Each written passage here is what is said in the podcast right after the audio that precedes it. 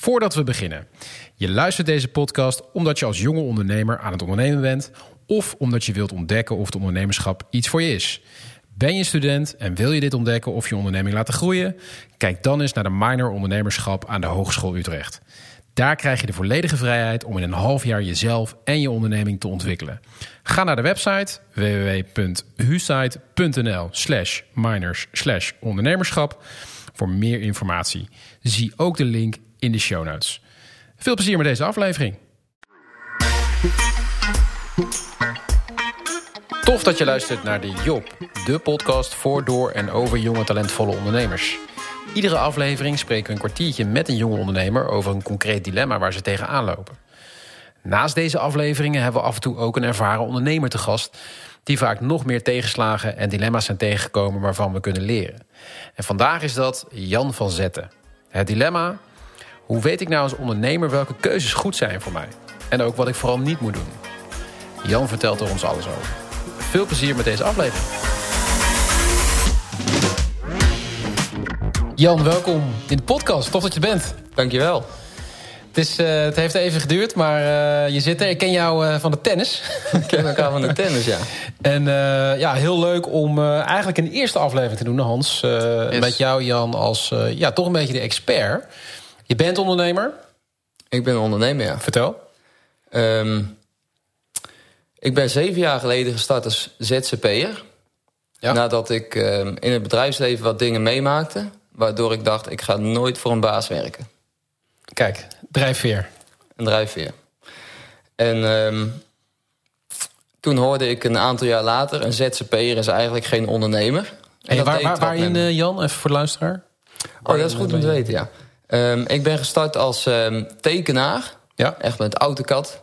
En dan, uh, technisch tekenaar? Technisch tekenaar, ja. En dat doe ik in de infra. Ja. Dus uh, ik heb wat getekend aan snelwegen, aan bruggen, aan tunnels, havens um, en woonwijken. En dat is wat ik nu doe.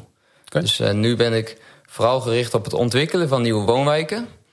Um, waarbij mensen eigenlijk vooral denken... oh, een nieuwe woonwijk, daar moeten uh, met name huizen gebouwd worden... En uh, wat dus wel eens vergeten wordt, maar wat net zo belangrijk is... is dat er ook een infrastructuur omheen moet. En dat is mijn expertise. Ja. En um, um, ik mag zeggen dat ik dat graag doe. En um, wat mijn, mijn belangrijkste doel is... om waarde toe te voegen in de openbare ruimte. Dus dat het wat menselijker is en wat gezelliger... en sfeervoller dan we gewend zijn van Het lijkt me wel heerlijk dat je dan gewoon op een gegeven moment... dan door een woonwijk rijdt en dat je gewoon denkt... ja dat heb ik eventjes zo ja, dat is vet. Uh, dat is wel leuk, ja. bedacht, Een brug die... Ja. Uh, ja, dat is wel cool. Ja, ik zat pas in het vliegtuig. Toen vlogen we naar, naar Schiphol. Over Flevoland. En toen zag ik daar de woonwijk liggen die we hebben ontwikkeld. Ja. Met een prachtig verhaal erbij. En uh, ja, dat maakte me welk, toch wel een beetje trots, ja. Welke is dat? Dat heet De Groene Eem. Groene Eem? De Groene Eem. En is dat een speciaal soort woonwijk of zo? Of wat, Ja, dat is een woonwijk waar we... um, met wel wat creativiteit en fan, uh, fantasie... Um, ja, eigenlijk de Eem, die vroeger dus door ja. Flevoland stroomde... Hè, toen het allemaal daar nog wat hoger lag... Um, hebben teruggebracht door al het water uit de woonwijk te verzamelen... wat daar gaat vallen. En mm -hmm. uh, ondergronds te geleiden naar een soort poeletjes die ontstaan... maar naar een riviertje ontstaat. En uh, dat riviertje is uh, aan het begin uh, heel modern... Hè, met de speeltuin voor de kinderen... waarna we komen in een... Omgeving waar vooral de volwassenen zich begeven. Dus met een eigen buurthuis en eigen initiatieven die zich daar kunnen ontplooien. Ja. En vanaf daar ontspringt echt de rivier en begint hij te stromen naar het oude landschap. En dat wordt steeds ouder. Op basis van archeologisch onderzoek hebben we dat zo ingericht... zodat het uh, in de oudheid terechtkomt en daar in een moerasachtig gebied uitmondt. Grappig. En als je dat dan vanuit de lucht zo ziet, is het wel heel gaaf om te zien hoor. Ja, zeker. Dat is echt gaaf. Ja. Cool. En dat doe je niet alleen. Tastbaar ook, lijkt me. Dus, dat uh, lijkt me fijn. Ja. Maar dus uh, zeven jaar aan het, uh, aan het tekenen. Zeven jaar, ja. En uh, hoe bevalt het om niet voor een baas te werken? Heel goed. Ja? Ja. En het eerste wat ik hoorde was... Uh, ja, je gaat ZZP en nu kies je voor de korte termijn. En daarmee werd bedoeld... Geld. Geld. Ja. Je verdient beter als je gaat ZZP. Ja. Laten we wel zijn, over het algemeen is dat zo. Als, je niet, als je niet serieus pensioen opbouwt... en uh, alle, alle, alle ja, voorwaarden dan, voor jezelf ik, organiseert. Zelfs dan, als je je verstand gebruikt en, het, uh, en de juiste eh, de juiste dingen doe waar, waar de juiste vraag naar is... dan, Komt er wat meer geld op je rekening. ja, dan gaat dat eigenlijk wel eh, vanzelf. Ja. Ehm, mits je daar ook verstandig mee omgaat natuurlijk. En ehm, ja, dat was maar dus- gezegd. En die is vooral blijven hangen, die opmerking. Waarom? Nou, omdat dat eh, iets is wat... ehm, ja, ik zit denk ik zo in elkaar dat als ik een, eh, een zogenaamde blokkade hoor... net als een, eh, misschien een renpaard of een springpaard hè, die een blokkade ziet... in het begin vindt hij dat een beetje eng... maar na verloop van tijd trekt hij daar naartoe en dan wil hij er overheen. Die wil springen. Nou, en zo is Jan ook. En ik denk dat veel ondernemers zo zijn. Die willen springen. En Gewoon voor proberen. mij is dat de trigger geworden om juist niet te blijven tekenen en voor de korte termijn te gaan, maar om het te ontwikkelen als ZZP'er. Wat dan ehm, moeilijker zou moeten zijn dan carrière maken binnen een bedrijf. Is dat en zo? Dat je- uiteindelijk denk ik dat het eh, voor mij juist makkelijker is geworden. Misschien wel ook omdat ik die drijf heel sterk voel. Ja, maar dat geldt niet voor de meeste, of, of voor veel ZZP'ers, denk ik hoor. Want heel veel mensen vinden het toch wel moeilijk om dan zelf iets te starten en iets te gaan doen. Ja, En ehm, eh, vanuit een bedrijf wordt het soms gewoon gefaciliteerd. Je hebt keuzes van opleidingen, je hebt iemand die daar eh, naar vraagt. Ja. Maar er is bij jou niemand die zegt, of over het algemeen niemand die zegt... Hey, eh, heb je je wel ontwikkeld afgelopen jaar?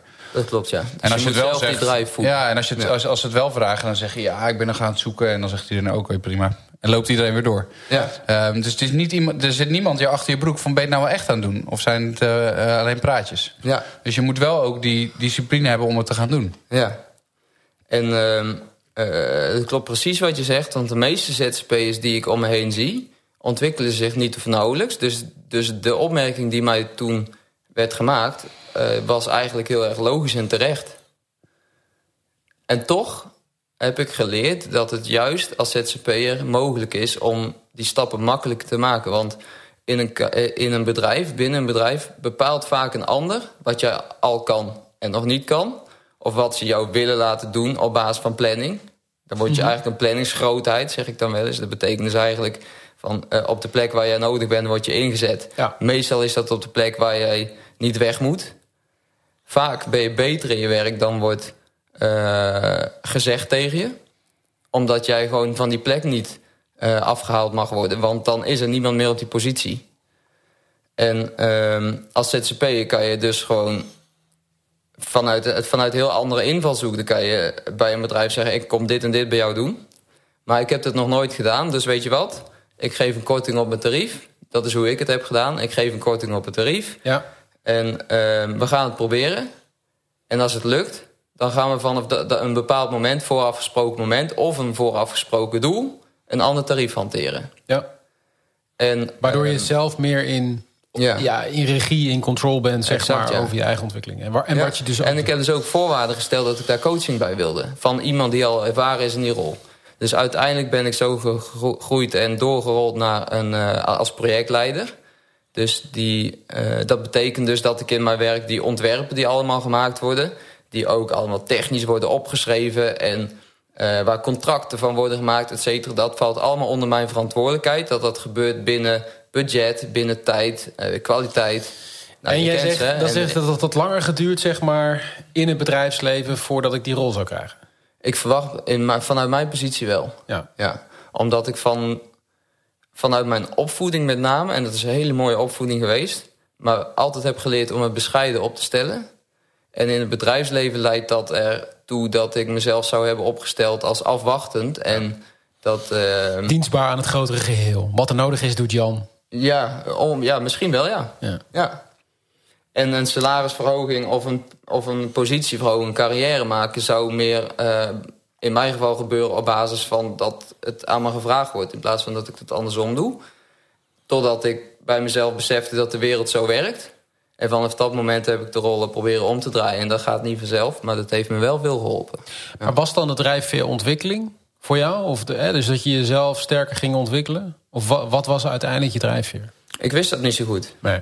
Maar je voelde wel dat je de Ja. keuze moest maken. Ik heb heel lang een, eh, een energie gevoeld waar ik niks meer kon. En ik wist niet wat die energie was. En dat was positieve energie? Of? Dat was positieve energie, alleen doordat ik die energie niet kwijt kon, was het negatief voor me. Ja. Ja. Dus ehm, ehm, Toen je nog in dienst was, was dat dus. dat is eh, ook als ZZP'er geweest. Oké. Ja. En nog steeds voel ik dat wel eens. Kun je dat omschrijven? Wat is dat, als je daar woorden aan moet geven, wat is dat dan? En, en waarom is het, kan het ook destructief zijn? Enerzijds is het, het, is, het staat bekend als de, de wat minder eh, gezonde wens van altijd meer, meer, meer. Of beter, beter, beter. Ja. Ehm, maar anderzijds is het ook zo dat het voor mij voelt dat ik de dingen wil doen die ik nu nog niet helemaal kan doen, omdat het werk wat ik nu doe niet volledig bij me past. Ja, ja. Het voelt alsof er grotere dingen zijn die ik wil doen. ja. Dus een soort toch wel een bepaalde onrust die Ja. ook wel goed kan zijn, misschien? Of Ja, niet? die is zeker goed. Hij werkt niet verlammend dus, want dat kan natuurlijk ook bij sommige mensen... Eh, hij kan verlammend werken, ja, dat is in het verleden wel geweest. Ja, dan merkte ik dat ik eh, me moeilijk of nauwelijks kon concentreren. En ehm, dat ik ook afleiding ging zoeken in andere dingen dan die ik moest doen.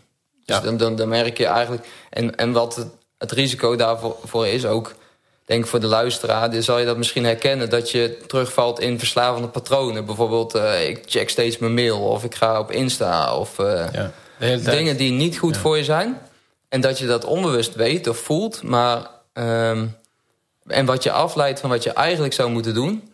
Waardoor je je aan het eind van de dag belabberd kunt voelen... want je hebt niet gedaan wat je eigenlijk wilde doen of moest doen. Je hebt jezelf een beetje voor de En dan kom je in een patroon. Want eh, dat patroon zorgt ervoor dat je niet de stappen gaat maken die je wilt maken. Ja. En ehm, wanneer word je daar bewust van? Dat je, dat je dus in dat patroon zit en dus ook je gedrag kunt gaan veranderen. Hoe werkt dat bij jou? Moet je het boek van eh, Tabe Eido eh, eens lezen, One Day. One day. De One Day formule, ja. Oké. Die, heeft, eh, die, die zei, ik merkte dat ik elke avond... eh, zei, ik was super aan het ondernemen, heel druk leven... maar elke avond dacht ik, ah, dan ga ik naar even Netflixen en eh, wijn drinken.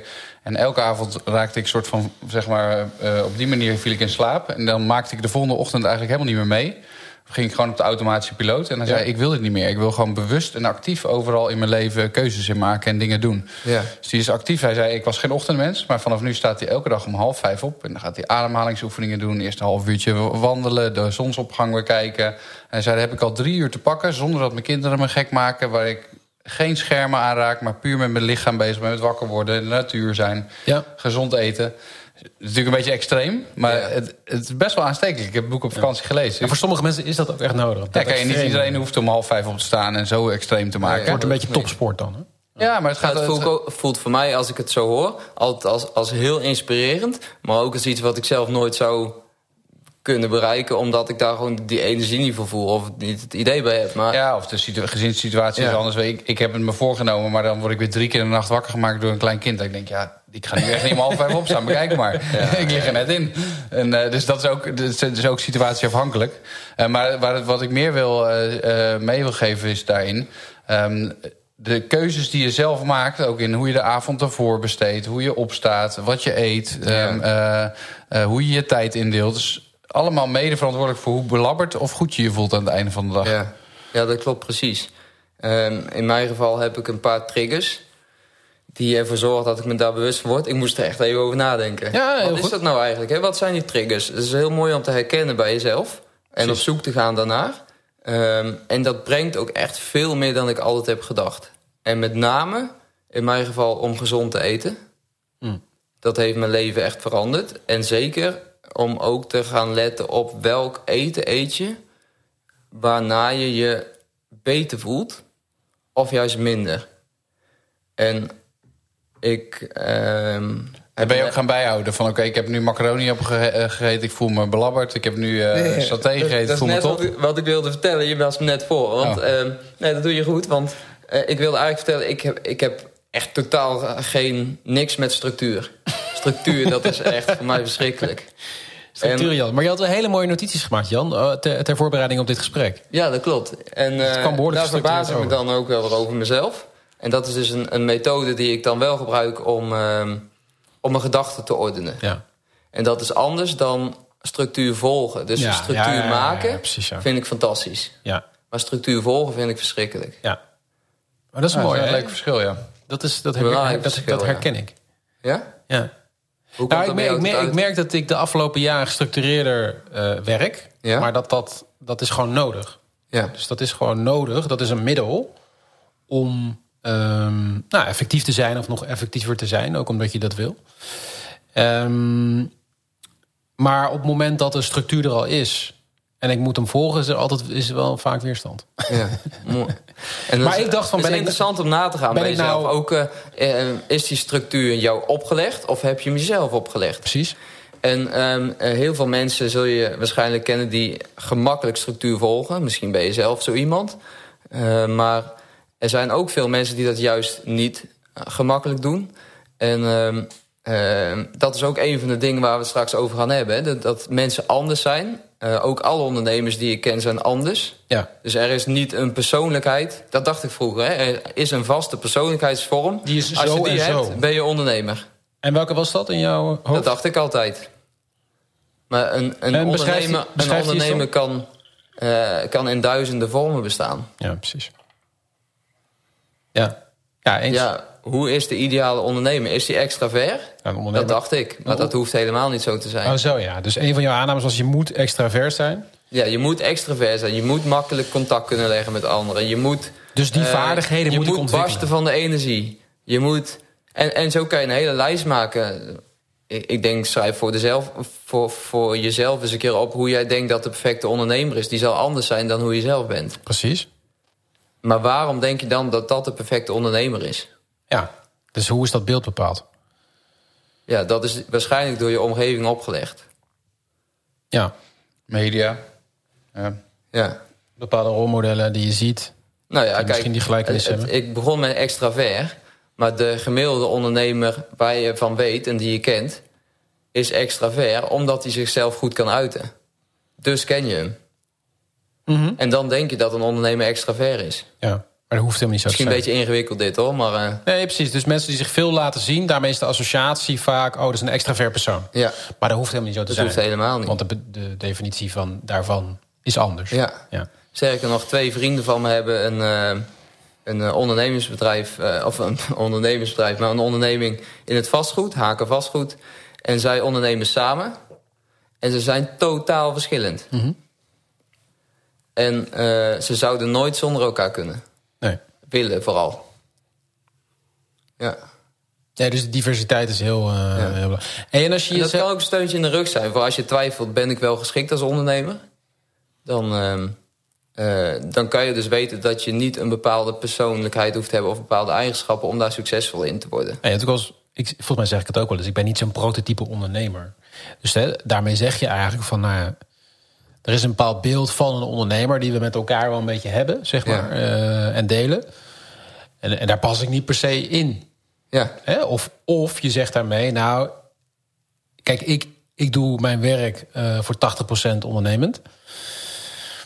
Dus veel mensen denken, oh ja, Robin is een ondernemer. Maar dan, dan vul ik al in van, ja, maar jij hebt een bepaald beeld van, van ondernemerschap. En dat ben ik niet. Hè? Of, of een bepaald beeld van ondernemer. En zo'n type ondernemer ben ik niet. Hè? Ehm, maar dat is natuurlijk allemaal invulling. En eh ook, Ja. het gaat, gaat over je eigen, gaat ja. over je eigen beeld. dat noemen ze conditionering. Hè? Dat is eh, hoe, hoe je denkt dat het zou moeten zijn. Dat is ook wel een goed besef als je dus denkt van... oh, ik, heb, ik pas niet misschien in het prototype verhaal van ondernemer. Ehm, maar je hoeft niet altijd alleen te ondernemen. Hè? Je kan Ja. dus ook inderdaad... eh, wat ik ook op een gegeven moment heb gedaan... toen ik voor mezelf ging beginnen, dacht ik... ja, ik heb eigenlijk helemaal geen zin om helemaal van scratch te beginnen. Vind ik helemaal niet leuk. Om, eh, om een naam te bedenken, een website... al die dingen die super saai zijn in mijn optiek... Ja. eh, kan ik beter bij iemand instappen die dat al bedacht heeft. Nou, vond ik veel relaxter. En die zocht weer eh, de dingen die ik meebracht. Dus Ja. zo kan je ook elkaar aanvullen op die manier. Je hoeft niet altijd alleen zeg maar, eh, in je garagebox te beginnen... en de nieuwe Amazon te bedenken. Je kan ook met mensen iets doen. Dat is Sterker een- nog, dat is een zelfs, vorm van- Denk ik zelfs fijner en makkelijker. En eh, er is ook betere reflectie op elkaar. Ik denk dat het als voor een onderneming zelf over het algemeen ook beter is. Maar dat Ja. is eh, lastig het ook weer te zeggen per type onderneming. Maar ehm, Ja, want je hebt, dan, je hebt wel weer iemand waar je accountable aan moet zijn. Dus die Ja. kan je wel ineens gaan vragen... Hey, eh, ehm, eh, kom je ook dan of ben je er ook dan bij? Of, dus het kan ook wel weer beklemmender voelen... want je bent niet meer echt zo vrij. ja. Ehm, dus je hebt iets meer eh, toe te lichten misschien wel. Uh, ik denk dat het goed is, alleen dat wel een, bewuste keuze moet, je dat, eh, moet dat zijn. ja. Maar het zet je wel iets vaster. En wat ik bij mijn vrienden Pieter en Jacco zie... dat is dat zij vooral heel erg goed zijn in ehm, onderscheiden waar ze goed in zijn. Dus uh, ze hebben daardoor ook een heel duidelijk rollenpatroon. Dus uh, Jacco doet het ene altijd en Pieter doet het andere altijd. Dus er is een heel duidelijke scheiding. Maar waarom ze wel zo goed kunnen samenwerken... is omdat ze heel gelijke en sterke normen en waarden hebben... die heel veel op elkaar lijken. Bijvoorbeeld wat betreft arbeidsethiek. De, eh, ze, ze, allebei willen ze hard werken. Maar als je gaat ondernemen met iemand die uh, de kantjes eraf gaat lopen... en jij wil er zelf tegenaan... dan voel je al dat daar iets is wat opgelost moet worden. Anders gaat het geen succes worden. Klopt. Dus, nee, zeker. Dus als je met iemand anders gaat ondernemen... dan is het heel belangrijk dat je dan... Uh, niet per se hetzelfde bent qua persoonlijkheid. Hè. Dat, dat, is juist handig als dat verschilt. Ja. Maar wel dat je normen en waarden ongeveer op dezelfde lijn liggen. En hoe, hoe kun je daar nou mee omgaan? Hè? Dus, dus uh, uiteindelijk maak je een afweging. Jij maakte de afweging. Ga ik uh, zelfstandig? Uh, we hebben allemaal een keer dat soort afwegingen gemaakt. En tussentijds komen die afwegingen ook weer. stap je bij iemand in? Of ga je een nieuw bedrijf starten? Constant die keuzes. nou, ja. dat is ook een beetje waarom jij zit natuurlijk, Jan. Hè? Dus, ja, dus hoe... Iedere keer die keuze, keuze nemen alleen maar toe. De mogelijkheden worden groter. Ja. zo lijkt het in ieder geval. Dus en hoe ga je daar nou goed mee om? Wat zijn, wat zijn dingen die jou helpen? Um, wat, me, wat mij dus helpt is um, uh, vooral zelfkennis. Ja. Goed weten wie je zelf bent. En dat is, maar is ook wel lastig denk als je, ik wel het allermoeilijkste. is ook wel lastig als je jong bent. We ja, net dat twee, is erg moeilijk. We hadden net twee gasten zitten van uh, 20, 19 en 20. 19 en 20. Ja. Al best wel leuk en serieus bezig. Ja. Ja, hoe goed kennen ze zichzelf? Ja, misschien al wel heel goed hoor, maar... Als ik naar mezelf kijk van die en, en eigenlijk ons al, wij kennen elkaar van die tijd. Ja, we, we, zijn nog steeds wel hetzelfde, maar we hebben nog wel een hele hoop ontdekt de afgelopen 15 jaar. Ja, ja. maar je ziet, je ziet tegenwoordig ook wel dat je denkt: zo, je bent uh, 223 en uh, wat praat jij al uh, wijs over jezelf en over het leven? Hoe kan dat? Ja. Dan, denken wij al, dan denken wij al vrij snel: ja, dat is gewoon een snotneus en die moet nog wel leren. maar ze zijn ook wel eh, jonge, jonge ondernemers, jonge generatie. Um, ja. ja ook wel reflectief geworden, hè? Al ja. door het onderwijs, door ja. thuis. Het onderwijs is wat dat betreft ook wel sterk verbeterd. Er, er, ligt meer een focus op wie je bent. Ja. Wat ik ook sterk zie is dat veel uh, uh, jongeren nadat ze hun opleiding hebben afgerond... eerst een half jaar of een jaar gaan precies, reizen. Precies. Um, al denk ik wel dat je het daarmee niet bereikt. Nee. Waarom niet? Want het is niet actief stilstaan, het is passief stilstaan. Ja, dus, dus jij zegt je, het kan nodig zijn om stil te staan. Ja, om ik denk dat het heel goed is om, om stil te staan. Maar dan wel gericht op, uh, dan met tools en gereedschap... om ook echt te vinden wie je bent en wat je wilt... of waar je goed in bent of wat je drijft. Dus waarom is stilstaan zo belangrijk? Om zelfkennis te vergaren? Nou, ik heb geleerd, stilstaan is de beste aanloop voor een sprong voorwaarts. Ja. En dat klinkt een beetje, een beetje vreemd, hè? want je zou zeggen... een aanloop is het beste. Mm -hmm. um, alleen... Um, dit is meer mentaal stilstaan. Um, en dat is dus precies waar ik de afgelopen dagen mee bezig ben geweest. Wat ik heb gedaan. Hoe zag dat eruit? Hoe dat eruit zag? Ja, voor jou? Um, wat doe je dan? Of wat doe je niet? Of... Wat er gebeurd is in de afgelopen periode... is dat er veel vragen op me zijn afgekomen. Dus, dat is ook de aanleiding geweest dat je mij hebt gevraagd om kansen. hier... Ja, in jou. laten we zeggen kansen. Ja. En waar komen kansen vandaan? Dat is misschien wel al vraag 1. Waar komen kansen vandaan? Um, ik denk dat kansen ontstaan um, doordat je um, van het ene iets probeert te maken, waardoor er ineens iets langskomt wat leidt tot het andere. Mm -hmm. En vooral ervaring opdoen, levenservaring en, en dingen doen die je uit je comfortzone halen over het algemeen. Mm -hmm. Leiden tot kansen. Maar niet eens dat, want soms komt een kans gewoon omdat mensen zien dat jij je best doet. Of het je gunnen. Of omdat ze het je gunnen. Ja. Of omdat uh, ze zien dat, er wat, dat ze wat overeenkomsten hebben. Dus het ontmoeten van mensen is uh, in mijn geval het belangrijkste voor het ontstaan van kansen. Dat verschilt denk ik heel sterk per persoon. Ja. Um, ik vind het fijn om mensen te ontmoeten.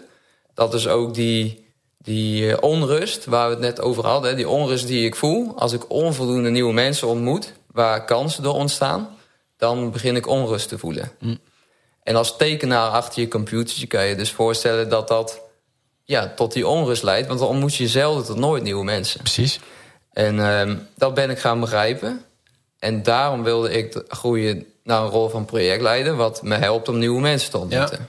Ja, ja logisch. Ja. En ik wilde dat ook worden omdat ik uh, erin geloof... dat als je een project goed kan managen... dat je dan ook een bedrijf goed kan managen. Hoewel het wel echt verschillende dingen zijn. Uh, er zijn een heel aantal overeenkomstige basisprincipes. Uh, wat er in mijn geval gebeurde is dat er mensen naar me toe zijn gekomen... vanuit meerdere hoeken... die mij hebben gevraagd of ik geïnteresseerd was... om iets met hun bedrijf te gaan doen. Ja. En in welke vorm is uh, deels wel en deels niet uh, uitgesproken. Ik kan op dit moment ja, dat spreekt bijna voor zich. Maar ik kan daar op dit moment uh, niet alles over niet vertellen. Omdat het lopende, lopende vragen zijn. Ja. En dan gebeurt er iets met je. Want het is zeker de eerste keer dat dat gebeurt... is heel bijzonder. Dat een, een grote ondernemer aan je vraagt... wil je niet iets met mijn bedrijf gaan doen? Ja. En in het begin is dat een enorme boost voor je ego. Omdat je denkt, wow, ik. En daarna voel je dat ineens. En dan denk je, oeh, wat zou ik hiermee moeten? Ja, dan bedoel je, daar voel je het ineens, dan voel je ook de verantwoordelijkheid en de, de, de, Ja. de, de zwaarte ervan. Ja. Ja, Komt even binnen. die komt wel binnen, ja. En, hoe weet je nou of je ja of nee moet gaan zeggen? En in welke vorm? Of je geschikt bent, Of je geschikt bent? hoe je het wil gaan doen, Ja. wat de voorwaarden zijn. Of je thuissituatie geschikt is? Precies. Of je alles los wil laten. Ja. En ehm, gelukkig had ik al bagage op zak. En een van de belangrijkste dingen die ik op zak had... eh, waren mensen in mijn netwerk... die mij bij de juiste personen brachten... om hier iets mee te gaan doen. En de tweede bagage die ik op zak had... was een stukje ontwikkeling die ik heb... ehm, wat ik heb meegekregen met name uit het lezen van een heel gevarieerd eh, bibliotheek. Eigenlijk heel veel boeken heb ik gekocht. Ik was op een gegeven moment een keer bij de Bruna, weet ik nog. En toen zag ik daar boeken liggen. dacht ik, ja, eigenlijk wel leuk.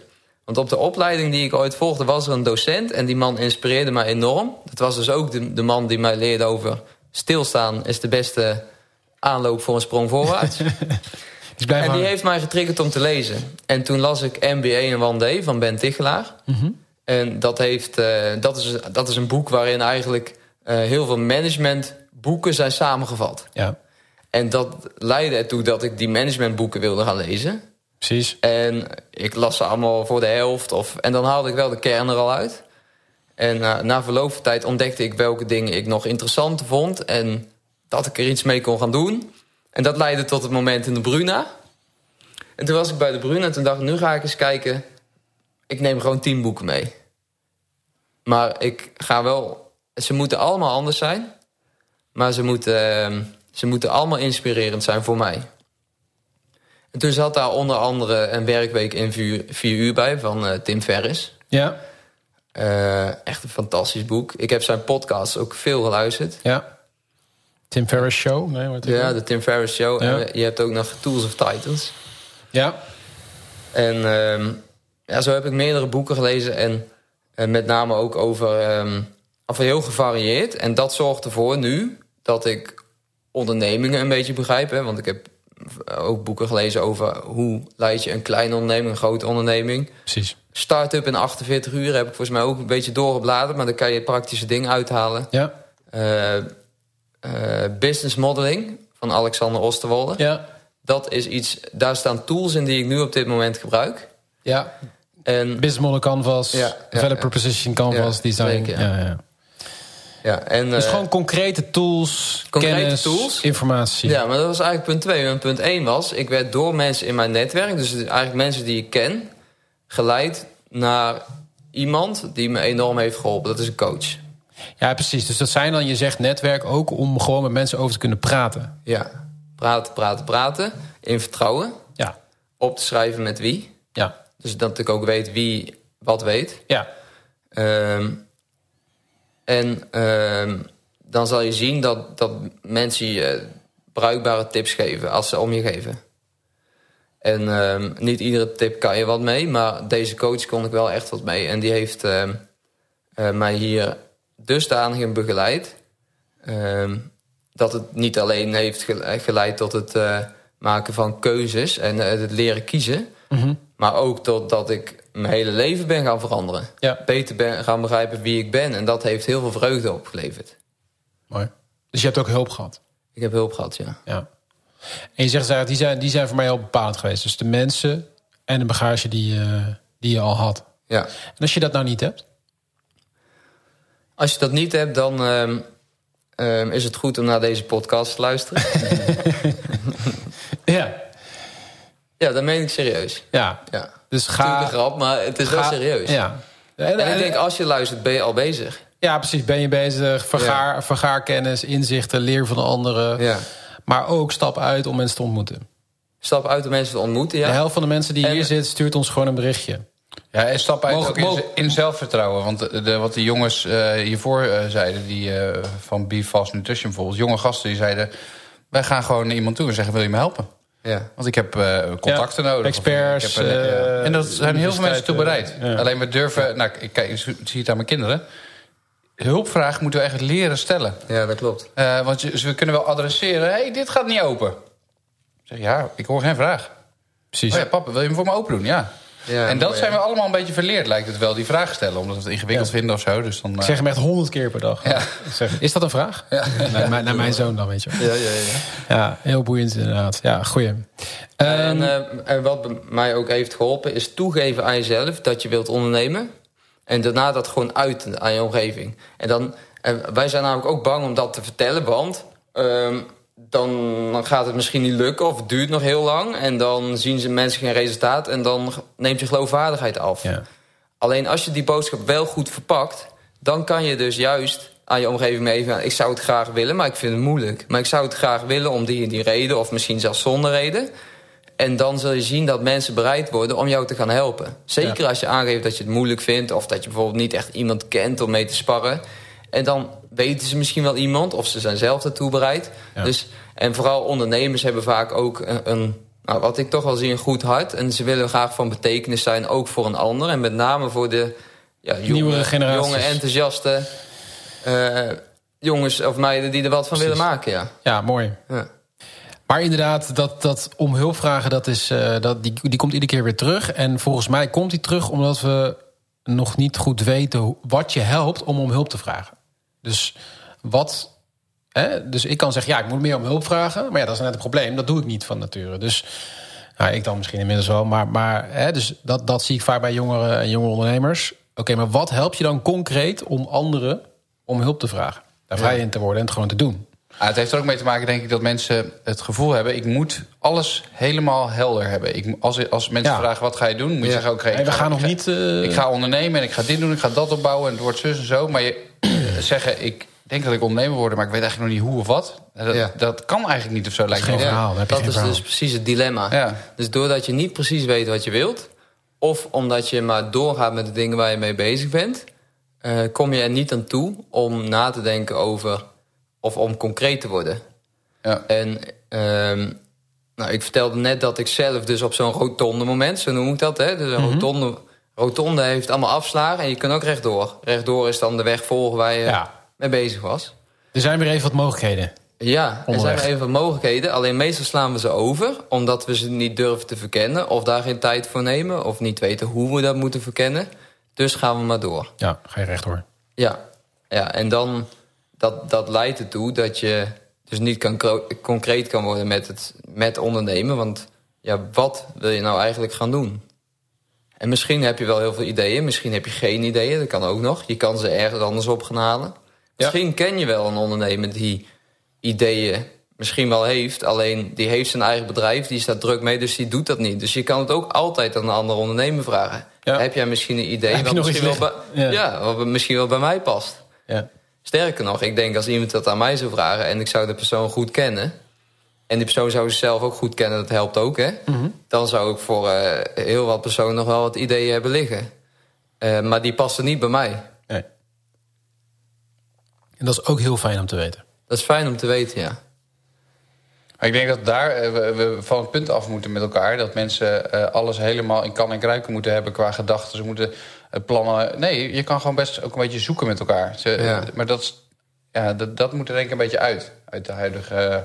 Dat is ook een beetje Nederlands, hè? Want dat, wat je al vaak hoort, in Nederland hoor je, zeg maar, als je failliet gaat, ben je sukkel. In Amerika hoor je er pas bij als je een keer failliet bent gegaan. Want dat is gewoon het vallen en opstaan van ja, ondernemers. Ja. Um, is dat denk ik wel echt iets, een mindset die moet veranderen in Nederland. Ja, het wordt ook wel snel gezegd hè, van joh, uh, ja, ga jij nou maar even je huiswerk doen. Of het is allemaal nog een beetje wazig. Of, uh, dus je bent al vrij snel vaag uh, ja. in, in, in een wat meer zakelijke omgeving. Dus dat houdt mensen ook wel terug. Om, om, om dat soort open gesprekken aan te gaan. Ja. En sommige mensen kunnen dat ook niet aan. Dus als jij iemand benadert zegt van... joh, ik wil een keer met je praten... en eh, diegene zegt, oké, wat, uh, wat is je probleem? Wat is je coachvraag? Ja. Wordt er dan gezegd. Ja, maar stel, stel, je bent nu luister, stel je bent nu luisteraar en je wil gaan ondernemen. Dat gevoel heb je van dat je, ik wil graag iets bouwen, ik wil een bedrijf. Maar je weet niet zo goed nog wat of hoe je dat moet aanvliegen. Of je staat op een kruispunt in je onderneming. Hè? Ja, dat kan ook. Hoe moet je dat nou aanpakken? Nou, uh, Robin heeft mij gevraagd hier in deze podcast te komen spreken omdat juist ik daar op dat moment mee bezig ben. En wij denken dat de luisteraar daar iets van kan leren. Mm um, zeker mede omdat ik professionele tools hanteer... die vaker worden gebruikt, ook in de coaching. Um, en dan moet ik zeggen, niet in de... Er is veel verschil qua niveau uh, in coaching. Er zijn veel zelf uh, gemaakte coaching. Belangrijk is om wel echt een goede bewezen coach te zoeken, mocht je dat doen. Maar ook zonder coach kan je heel ver komen. Want coaches kosten geld... Um, als ondernemer zie je dat misschien helemaal niet zitten... of nog niet ondernemen om geld uit te geven aan iets... waarvan je niet weet of het iets oplevert. Kan, ja. Over het algemeen durf ik wel te zeggen dat... Uh, wat je uitgeeft aan coaching verdient zich altijd terug. Maar dat is iets wat ik bevestigd zie in de praktijk. Maar dat is alsnog een stap om te nemen. Um, dus Robin die vroeg mij... Want, ja, voor de goede orde, dat zeg jij als niet-coach, toch? Dat zeg ik als niet-coach. dus jij hebt geen belang. Nee, precies. Dat is oprecht wat jij ja. uh, vindt. Ja. Um, maar ik vind het wel dusdanig mooi dat ik bijna twijfel om daar iets mee te gaan doen. Ja. Omdat ik het proces bij mezelf zo mooi vind. En juist het, het geholpen worden door een coach. Dat dat zoveel betekenis toe kan voegen in het leven van iemand. Dat, dat ik uh, nu die rotonde, hè, waar we het net over hadden, die rotonde met al zijn, zijn, ja, met zijn tientallen poten misschien wel naar de zijkanten... waar alle ideeën staan.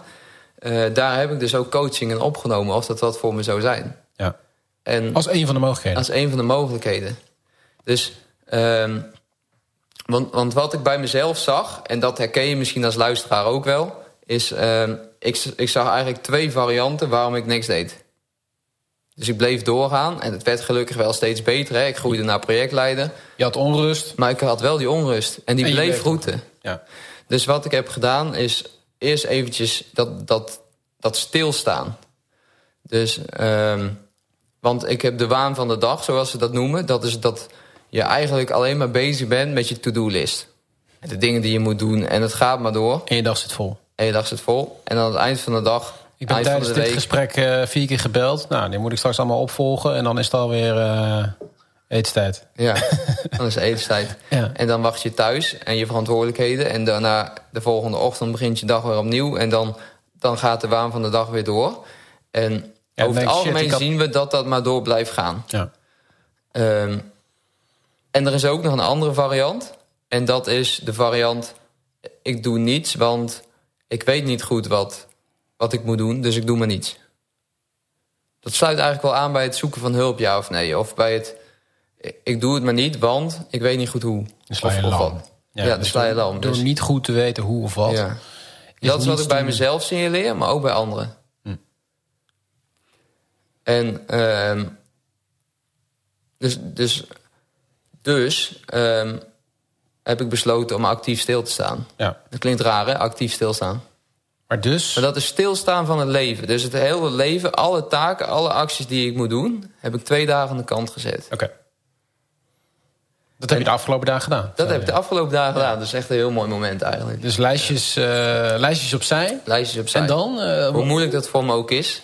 Maar ben je wel gewoon aan het werk? Of, of ga ja, je... ik ben naar mijn kantoor gegaan. Je gaat wel gewoon naar je... Want dat kunnen mensen denken, hè? Oh, die zit de hele dag in een bos... Uh, dat zou je ook kunnen doen. Op de grond. Ja. Eh, of Nee, ik ben naar mijn kantoor gegaan, maar wel in een andere setting dan normaal. Ik ben gewoon eens in mijn kuipstoeltje gaan zitten en daarna even aan de bartafel. En, eh, en ik, heb mijn, eh, ik heb een laptop waar ik op kan schrijven met zo'n pen, weet je wel. Ja.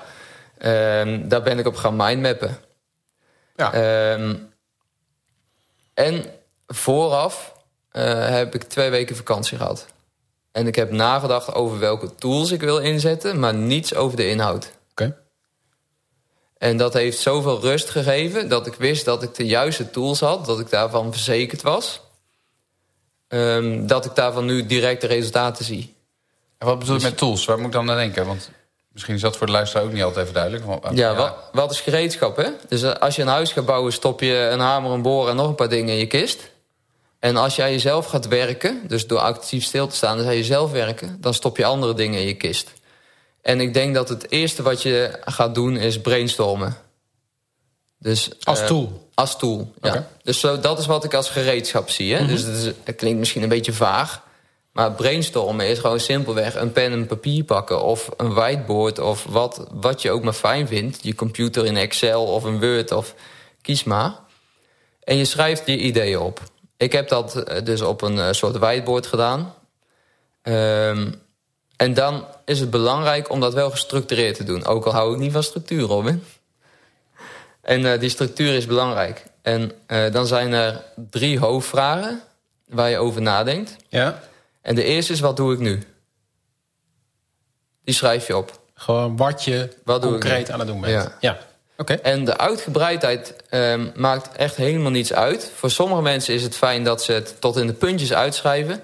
En anderen schrijven gewoon één woord op. Ja. Dus dat, daar kan je gewoon jezelf in volgen wat je fijn vindt. Ja. Ehm, ik zelf vond het fijn om dat op te schrijven. Plus nog een aantal dingetjes die gelijk oppoppen in mijn gedachten bij dat onderwerp. En daarna, dat, is- dat, dat is zeg maar hoofdvraag 1b.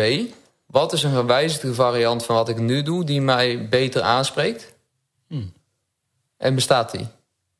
Ja, ja. Dus niet zozeer gelijk compleet iets anders. Nee. Eenzelfde soort richting Dezelfde soort richting. op een andere manier. Ik werk nu bijvoorbeeld als ZZP'er. en, als, en ik heb een eigen bedrijfje waar het personeel werkt. Dus ik verhuur mezelf op de momenten dat de andere mensen aan het werk zijn. Op het moment dat zij weer aansturing en begeleiding nodig hebben... ben ik er voor hen en voor Ja. mijn opdrachtgevers en mijn klanten. Ja. Dus ik heb opgeschreven of ik die combinatie wil vasthouden of niet. Oké. En ehm, waarom dit belangrijk is, is omdat dit vertrouwen geeft in dat de basis die je nu hebt mogelijk te veranderen is, zodat je niet in één stap hoeft om te gaan naar Niet iets een hele anders. grote stap. Maar dat je, dus, ja, dat je dus langzaam is het mogelijk om langzaam te veranderen naar iets wat beter bij me past. Het gewoon beter Stap is. voor stap. Dus als mensen zijn we geneigd van... Hè, het, moet, het moet van de ene kant naar de andere kant. Van A naar Z. Maar jij zegt eigenlijk van... joh, denk eens na over een wat, wat kleinere stap. Ja, Die dat geeft rust. Die je in beweging gaat zetten. Wat Ja. leidt tot iets mooiers of tot iets beters. Ja. En dat is dus een mogelijke afslag op die rotonde, want je kan daar ook niet voor kiezen. En dat is lekker, dat je die afslag hebt. Ja. Dus gun jezelf de vrijheid om op te schrijven wat je maar wilt. Want punt 2 Oké. is, dus de hoofdvraag 2 is... welke concrete ideeën heb ik? Ja. Dus wat zit er in mijn achterhoofd? Waar heb ik wel eens over nagedacht?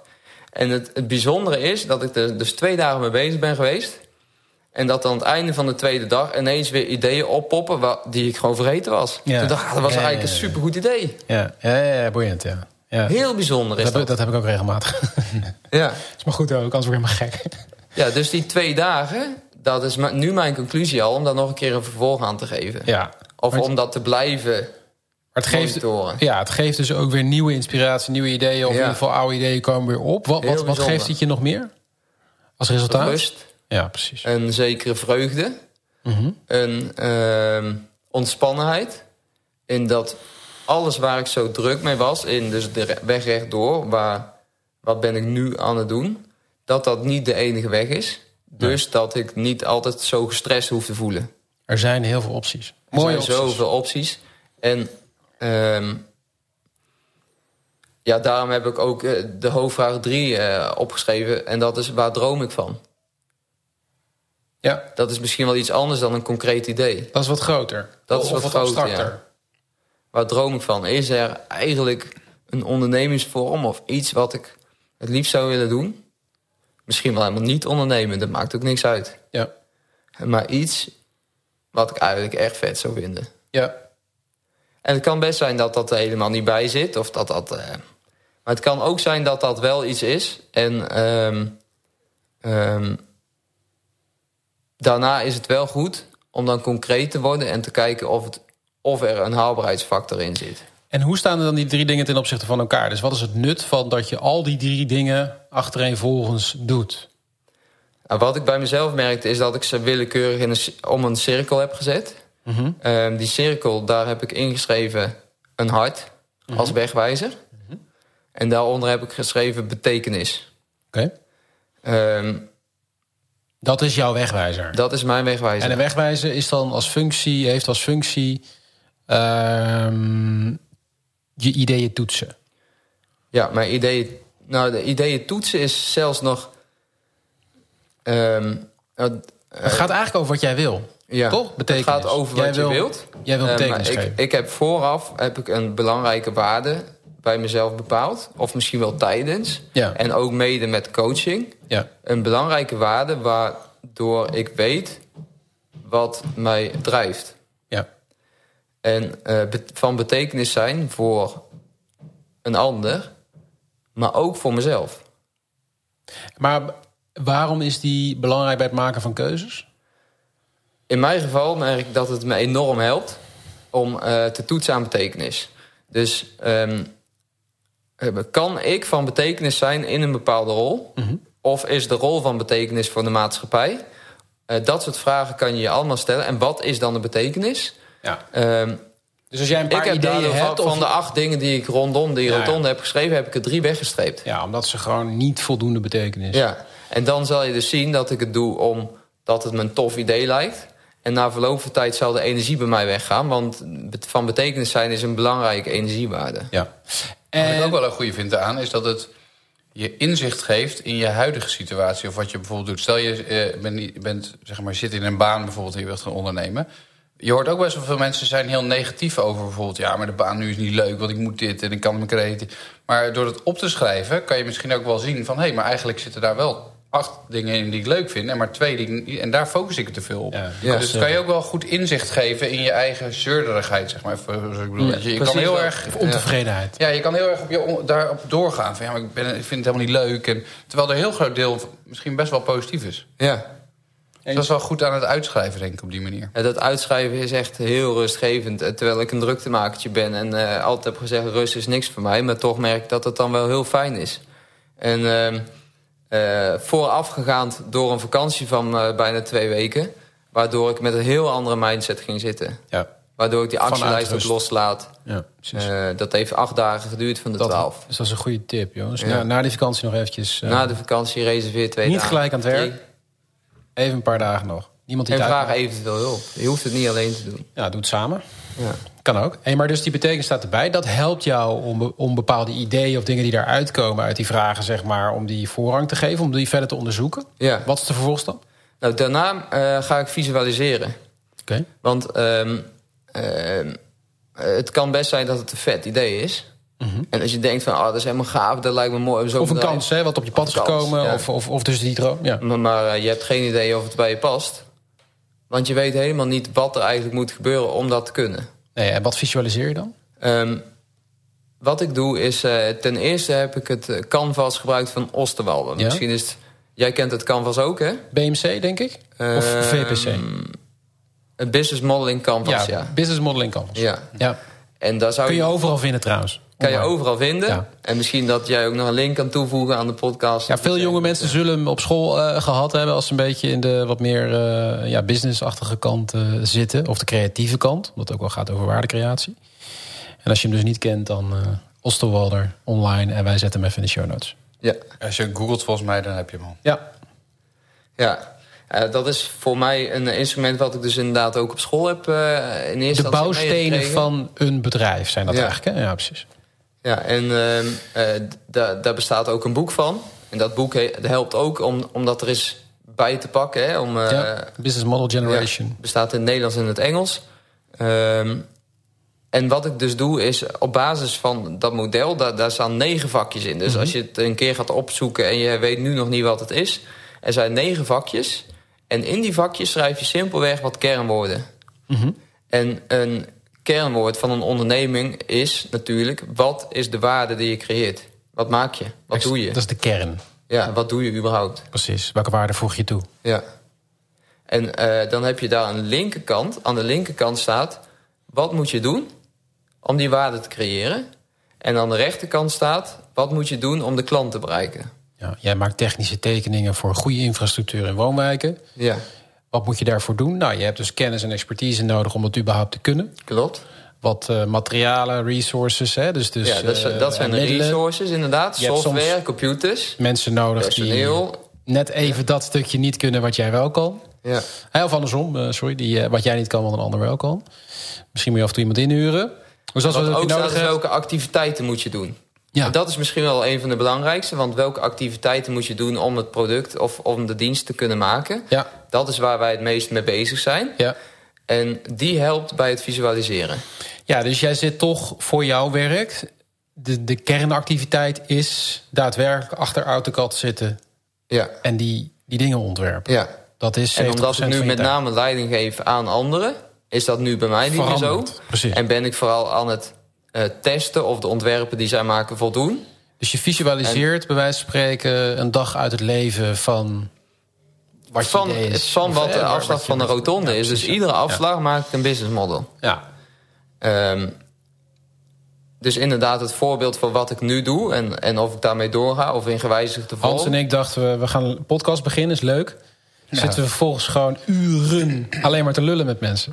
Dat hadden we ons even moeten bedenken, moeten Dan had visualiseren. je kunnen visualiseren, dan had je geweten of je het dat is leuk de vond. kernactiviteit. ik Ja, vind het best wel leuk. wij vinden dat stiekem heel leuk. Ja. Ja, precies. En het mooie is ook, daar staat dus ook in, eh, aan de rechterkant... hoe bereik je je klant. Maar aan de linkerkant staat dus met name wat doe je. En dat is dat stukje visualisatie. Ja. Ehm, en daar staat ook, wie zijn mijn sleutel eh, contactpersonen. En daarin kan je nu dus... ehm, wat ik heb gedaan is daar mensen inzetten die ik al ken. En ehm, figuranten die ik nog niet ken. Dus, eh, en dat, dat leidt ook tot een, een, het maken van een pad. Ja, dus doordat je die, dus doordat je die namen opschrijft, is misschien de kans ook wel groter dat je ze gaat benaderen. Ja, zeker weten. Want eh. ehm, ik heb nu dus al een actie opgeschreven voor na deze opname... om een aantal mensen even te gaan bellen. Ja, Ja. precies. En Ja. de mensen die je niet kent, moet je gaan opzoeken. Dus dan is het slim om een soort schakelpatroon te maken. Ja. Wie zit daar mogelijk nog tussen, zodat ik kan komen bij de persoon. Precies. Ja, zo teken je dat uit. Ja. Oké, duidelijk. Helder. En het, en het, het, eh, het model is iets uitgebreider nog dan dit. Maar dit is dus visualiseren van wat moet je eigenlijk doen. Mhm. En ik kijk, toets dan ook of er een winstgevend model zou kunnen bestaan. Ja, de bedrijfsmatigheid. Ja, dus, dus is er ook geld te verdienen. Of iets anders wat je doel kan zijn. Het kan ook zijn, eh, je zou theoretisch ook kunnen toetsen aan die betekenis. ja. Ehm, dat gaat voor mij nu te ver. Toegevoegde Dat is te theoretisch voor mij. Snap ik. Ja. Geld is En een- dan, ja. wat ik toen heb gedaan, is in die business models... ik heb ze overigens nog niet eens allemaal af, hoor... maar eh, om daarin te markeren wat ik zelf wil doen en moet doen. Waarom? Omdat dat de onderneming maakt. Ja, maar wat is het onderscheid dan? En waarom is het onderscheid belangrijk? Wat je wil en moet doen? Of is dat Eh, niet per se dat is wel een belangrijk onderscheid, maar het gaat er vooral om wat doet datgene straks. wat jij moet doen Ja, in die onderneming? Ja, Wat ja, doe ik straks, zodat eh, de tent draait? Precies. En zijn dat de dingen die ik wil doen of moet doen? Ja. Dat is niet een heel belangrijk onderscheid, maar je moet ze wel alle twee markeren. Ja. Oké. Want het kan best zijn dat je dingen wil doen... die helemaal niet handig zijn vanuit jouw rol... maar je wil ze gewoon omdat je ze leuk vindt. Want dat is de reden überhaupt waarom je dat bedrijf wil doen. Ja, precies. En dan is dat ook geen probleem. Maar dan moet je dus wel toetsen of het dan nog steeds haalbaar is. Ja, inderdaad. Je kunt Dus het is echt best wel een lekkere manier om erachter te komen... of iets überhaupt haalbaar is. ja. En of het je hart raakt. Ja. Want je ziet gewoon wat je moet doen. In ieder geval op hoofdlijnen. Ja. Om eh, er een draaiende onderneming van te maken. ja. Maar dan komt eigenlijk het allermoeilijkste. En dat is kiezen. Daarvoor, Afwegen. daarvoor zit nog iets anders. Oké. En dat is? Dat is echt toetsen. Dus toetsen aan betekenis was voor mij een belangrijke waarde. Mhm. Maar er moet ook getoetst worden aan hoe je bent. Want ik geloof dat een... Ze, zeggen ze, de vent maakt de tent. Precies. Is de vent niet geschikt, is de tent, de tent wordt niks. Ja. En ehm, ehm, dus hoe weet je of jij geschikt bent voor die organisatie? Nou, en daar komt het bij mij, in mijn geval dan die coaching bij kijken. Eh, mijn coach hanteerde een systeem, dat heet Energy Drives. Ja. Ehm, letterlijk betekent dat dus je energie drijfveren. En ehm, ehm, daaruit blijkt wat bij me past. Energy Drives is een meetsysteem. Dus dat meet hoe je bent. En dat, dat zit zo ontzettend knap in elkaar. Ik ben er heel enthousiast van geworden. Wij hebben daar elkaar ook al eerder over gesproken, Robin. En, ehm, want wat doet het namelijk? Het, het meet hoe je bent, ook al gedraag je je anders. Ja. En ehm, in mijn geval heeft dus het, deze test, dus, of het is eigenlijk geen test, het is dus meten. Dus het kijkt, het meet niet het gedrag om vervolgens te bepalen wie je bent, maar het gaat echt daaronder proberen Ja. te kijken. Ja. Dus het is niet, niet de, de psychologen zitten graag in de ik. Dus wie ben je? Ja. Maar er zit een soort filter omheen en dat is gedrag, hè? Om je ik. Precies. En, en deze, ehm, deze meet je gewenste gedrag. En op basis van, eh, en zeker ook met behulp van coaching, kan je dus zien, maar gewenst gedrag is misschien wel heel anders dan hoe je je daadwerkelijk gedraagt. Dus daarvoor alleen al vond ik het waardevol, omdat het mij leerde dat ik me anders gedraag dan hoe ik ben. Heb je een voorbeeld? Ja, dat heb ik. Ehm, het, het is een, een, eh, een test met kleurtjes, hè? Dus eh, misschien kennen sommige mensen de disc. Met, eh, de disc heeft geloof ik groen, geel, rood. en blauw, hè? Ja. Ja. Vier kleuren. Ja, en, en die kleuren die zitten in vergelijkbare betekenis ook in deze scan. In de energy drives. En ehm, alleen energy drives is veel complexer en dat gaat veel dieper. En daardoor is er ook veel meer uit te halen. Er zit namelijk een volgordelijkheid in. Ehm, dus, en, ehm, en een hele ragfijne onderverdeling. Dus een kleur heeft een onderverdeling.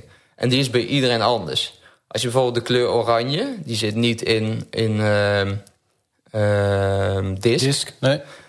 En die zit tussen, logischerwijs misschien wel bijna tussen geel en rood in. Maar dat is heel ander gedrag. Dat gaat over het behalen van doelen, scoren, ondernemen, Mhm. ondernemend zijn. Mhm. Ehm, dat is een verschil, hè? Dus sommige mensen zijn ondernemend binnen een organisatie. Ja, Anderen willen ondernemen. Ja. Ehm, en en eh, in mijn geval was ik heel sterk oranje. Eh, met rood. Rood staat voor daadkracht in, in deze scan. Ja. En geel, en dat staat voor eh, verbeteren en willen ontwikkelen. Ja. Nou, dat hebben we net gehoord. Jan wil Dus- graag ontwikkelen. Dus in die volgorde. Je eerste... Ja. Ja. je, De je- volgorde is heel belangrijk, ja. Dus inderdaad, eerst oranje van ondernemen. eh, dan ehm, rood van daadkracht. Gewoon doen. En dan geel van steeds willen verbeteren. Vernieuwen, verbeteren. Efficiëntie hoort er ook bij. innoveren. Ja, ja. Maar efficiëntie en daadkracht kan je al snel met elkaar verwarren. Ja. En het behalen van een doel. Ja. Nou, en dat gebeurde bij mij dus. Dat is een goed voorbeeld van wat bij mij in mijn leven gebeurde. Want wat ik bijvoorbeeld deed was... Ik ging om mijn doel te halen... Bijvoorbeeld laten we het hebben over tekeningen en AutoCAD... Mhm. Maakte ik software... waardoor het tekenen sneller ging. Ja. Dus wat was ik aan het doen? Software maken is efficiënt te maken. Dat is geel. Dat is geel.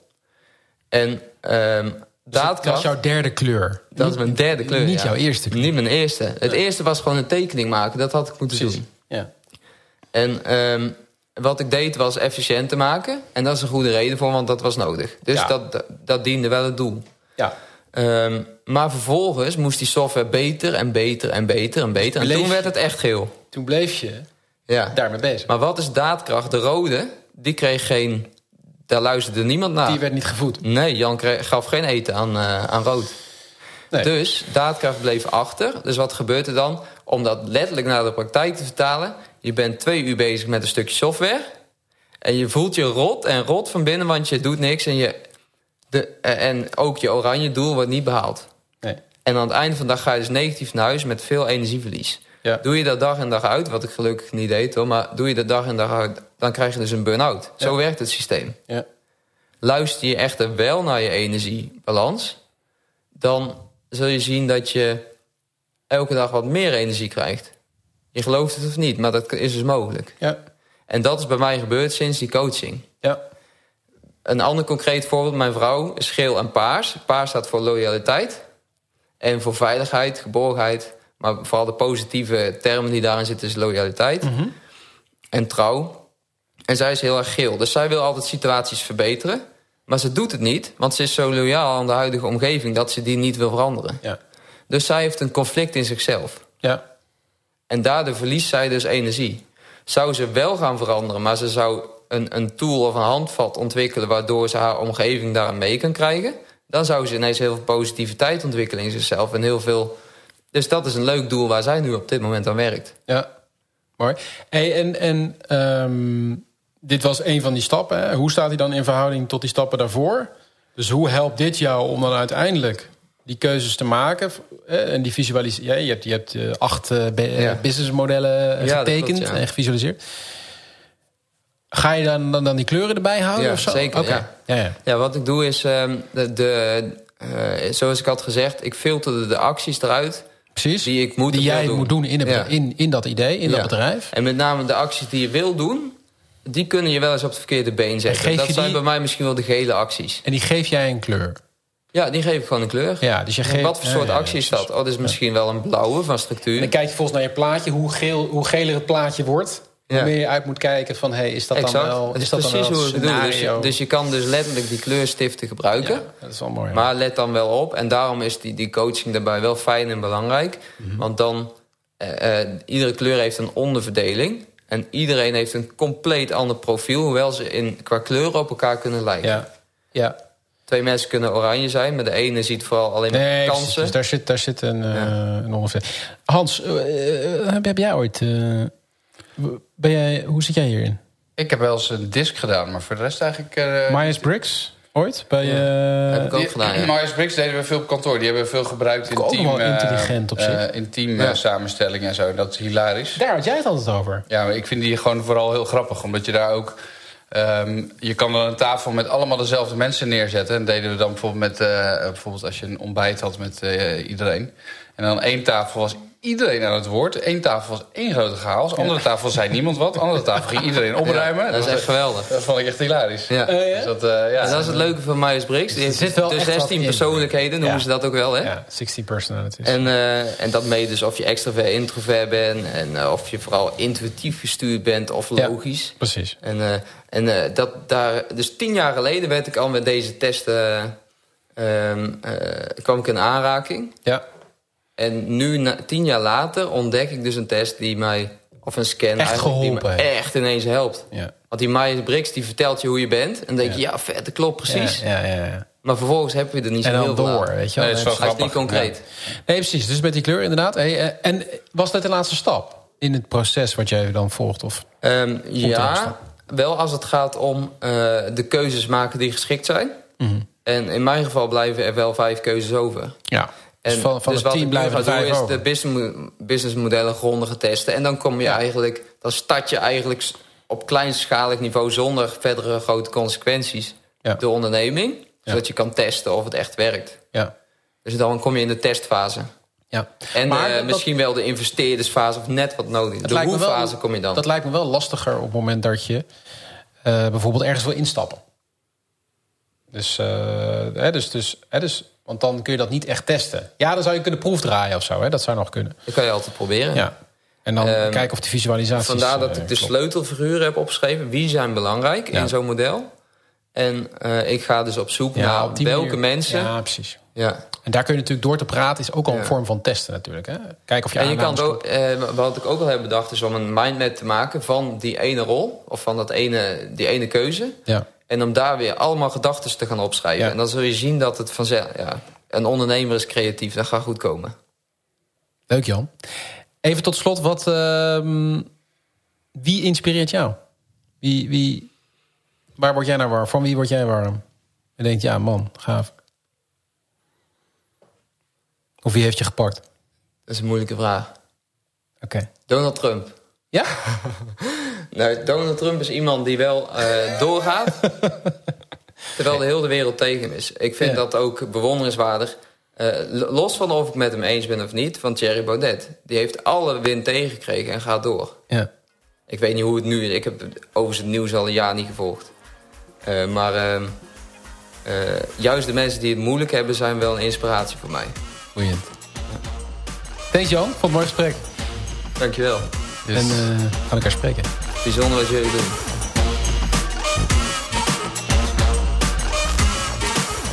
En jij bedankt natuurlijk voor het luisteren. We zijn heel benieuwd wat je van deze aflevering vond. Heb je er iets aan? Uh, vinden het ook leuk om te horen. Dus uh, stuur dan zeker even een berichtje. Je kunt ons vinden op de socials. Jonge Ondernemers Podcast. Uh, laat iets achter. Ook als je denkt, hey, ik heb ook een leuke gast. een jonge ondernemer of misschien een ervaren ondernemer waarvan we kunnen leren. Um, laat het dan ook zeker even weten. Bedankt voor het luisteren en tot de volgende.